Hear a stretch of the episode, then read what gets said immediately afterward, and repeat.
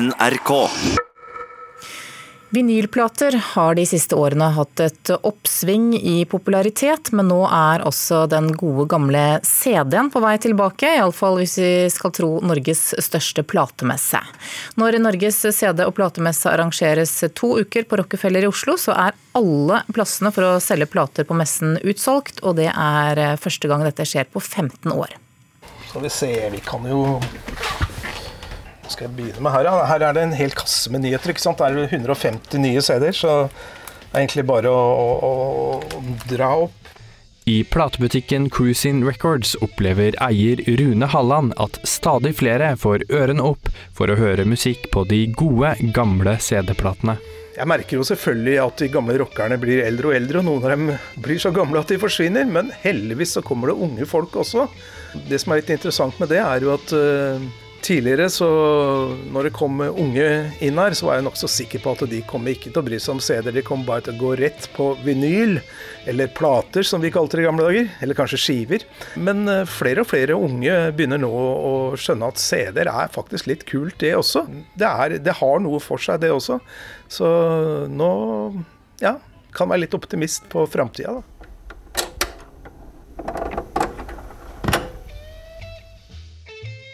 De siste årene har vinylplatene på nytt gjort sitt inntog blant nordmenn. Og at det tyder på at CD-platene også blir mer populære blant unge, er ikke overraskende for sosialantropolog og trendspotter Gunn Helen Øie. I et slikt samfunn da, som vi er så sånn foroverlent, og så har vi en, en stor si, bevegelse, da, som man kan gjerne kalle nostalgi, eller blikk tilbake igjen.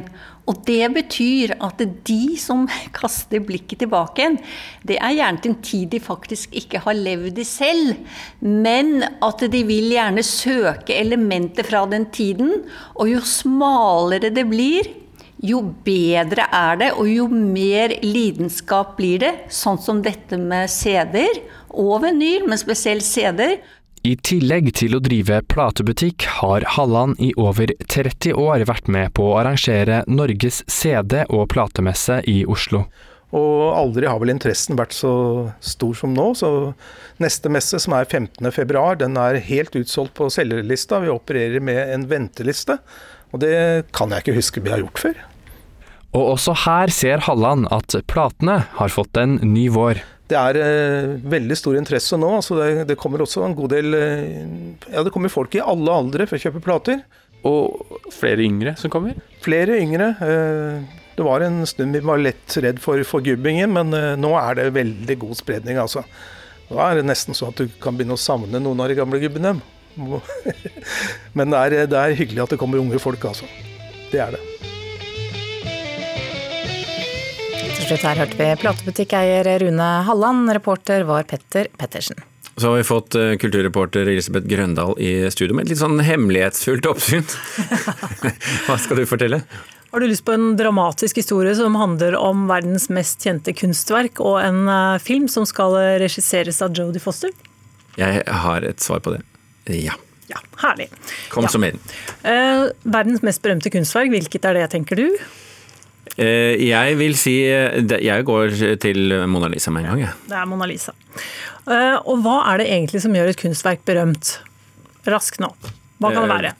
Veldig bra kunstverk, naturligvis. Ja. Noe mer? Fint. Eh, dyrt. Dyrt, berømt, ja. I tillegg så trenger det en ting, det trenger en dramatisk historie. Enten kunstneren eller kunstverket må ha en dramatisk historie. Og her kommer en dramatisk historie om Mona Lisa, for det bildet har faktisk vært stjålet en gang. Og før det ble stjålet, så var det ikke så godt kjent. Kjent blant kjennere og, og kunstnere og sånn, men folk flest visste ikke hva dette var for noe. Og gjett hvem som ble mistenkt for å ha stjålet Mona Lisa da det forsvant i 1911? ja, det er ikke så lett. Det er en kjent kunstner. Du vet godt hvem det er. Ja, Veldig kjent kunstner. Ikke før du sier det, antagelig. Nei, Han heter Picasso. Oh, ja. Picasso ble mistenkt for å ha stjålet Mona Lisa. Det, og hvorfor ble han det? det jo, fordi at han hadde noen skikkelig dårlige venner. Han hadde en, særlig en dårlig venn som hadde tatt noen kunstverk fra Louvre. Og han, den dårlige vennen gikk da til en avis og fortalte om dette, fordi han uh, begynte å bli litt sånn, det ble litt varmt under beina på ham. Han hadde jo ikke tatt Mona Lisa, men han hadde stjålet noen andre ting. Og så viste det at de andre tingene de hadde han solgt videre til Picasso. Ah.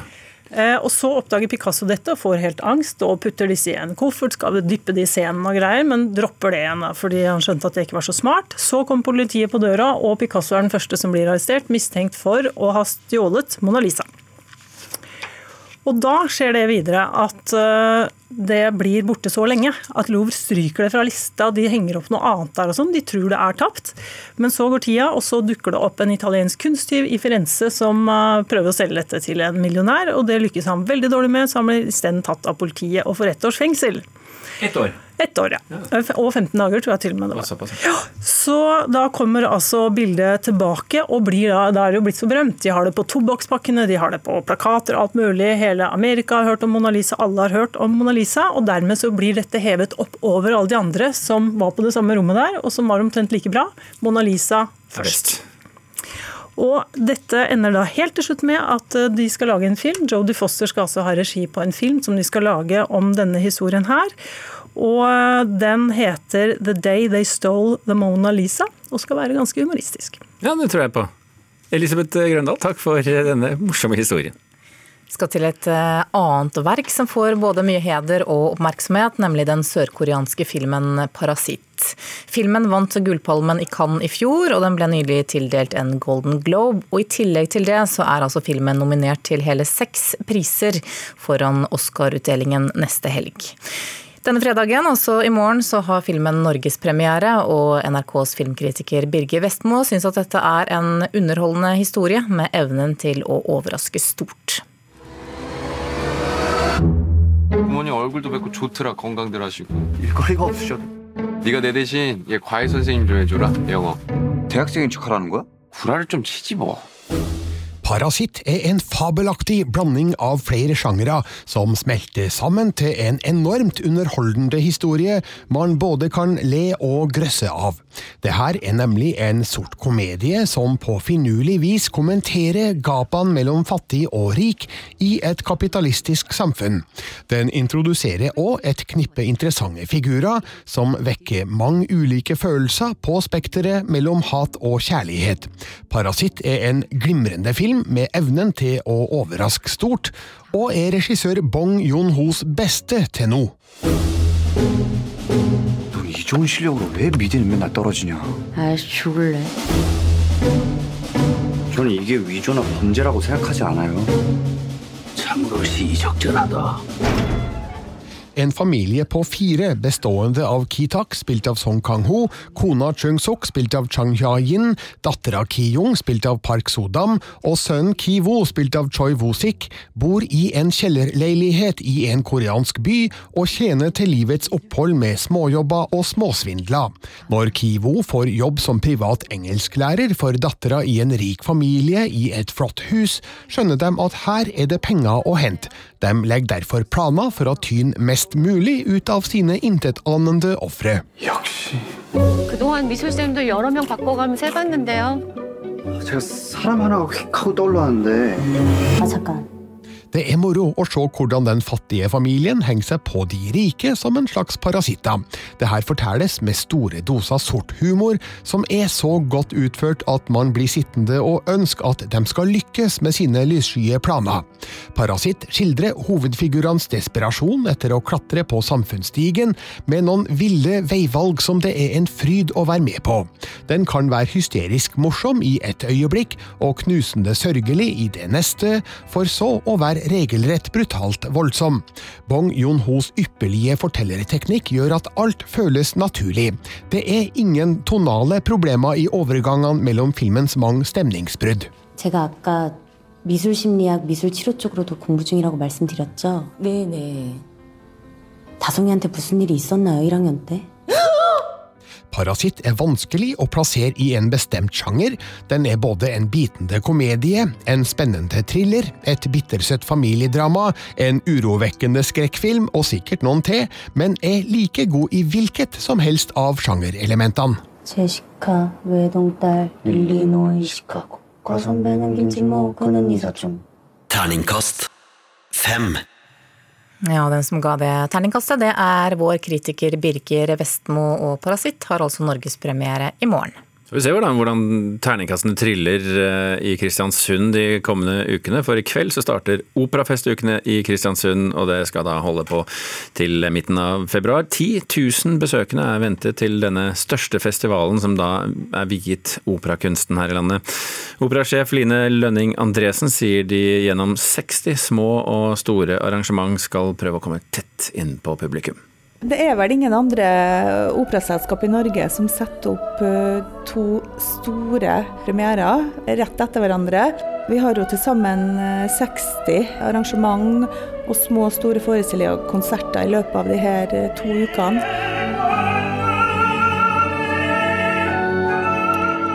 Her er fra generalprøven, der tenor Thomas Ruud synger den kjente arien fra Torandot av Puccini. Operafestukene i Kristiansund bruker å sette opp en klassisk opera og en operette eller musikal. I år er det 'Spellemann på taket' som er den andre hovedforestillinga. Vintermånedene har vist seg å være ei god tid for operafest.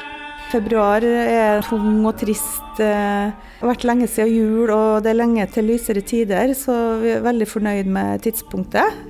I år har vi jo to populære forestillinger. Turandot er jo Puccini, og vi har Spellemann på taket. Så billettsalget går så det suser. Operasjefen sier at når man har kremen av norske sangere og musikere konsentrert i en liten by i den mørkeste tida, så må man benytte sjansen til å styrke båndene mellom operakunsten og folket. Sånn som puber og kafeer, så kommer du veldig tett på publikum, og kanskje litt annet publikum enn det du ser her i festiviteten. Så det blir veldig nært og tett. Jeg tror det er mange som syns det er helt nydelig å være inni den operabobla. Å, du, det var spennende. Det var veldig artig. Musikken er kjempebra.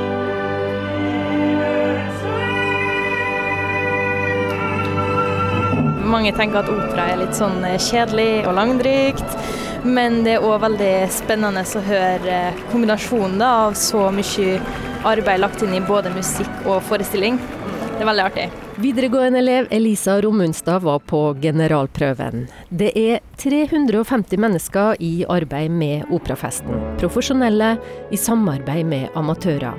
Verdien av arbeidet til de frivillige teller like mye som det de ansatte gjør. Gjennom et år er det 30 årsverk. De frivillige vet at de er viktige. Jo, jeg føler jo at vi gjør en innsats for byen vår, da, vil jeg si. For at operaen har jo ikke fått det til å gå rundt uten frivillige. Det er verdt ganske mye penger, den innsatsen vi gjør. Hvis det ikke er frivillige, så går det jo ikke. Vi er jo nesten 100 stykker på lista. Vi trengs. Jeg syns det er veldig artig å se de flotte forestillingene. Det er rett og slett bare veldig hyggelig. Jeg syns det er kjempeartig. For å forstå og, og, og ta imot billetter og prate tull med folk og sånn.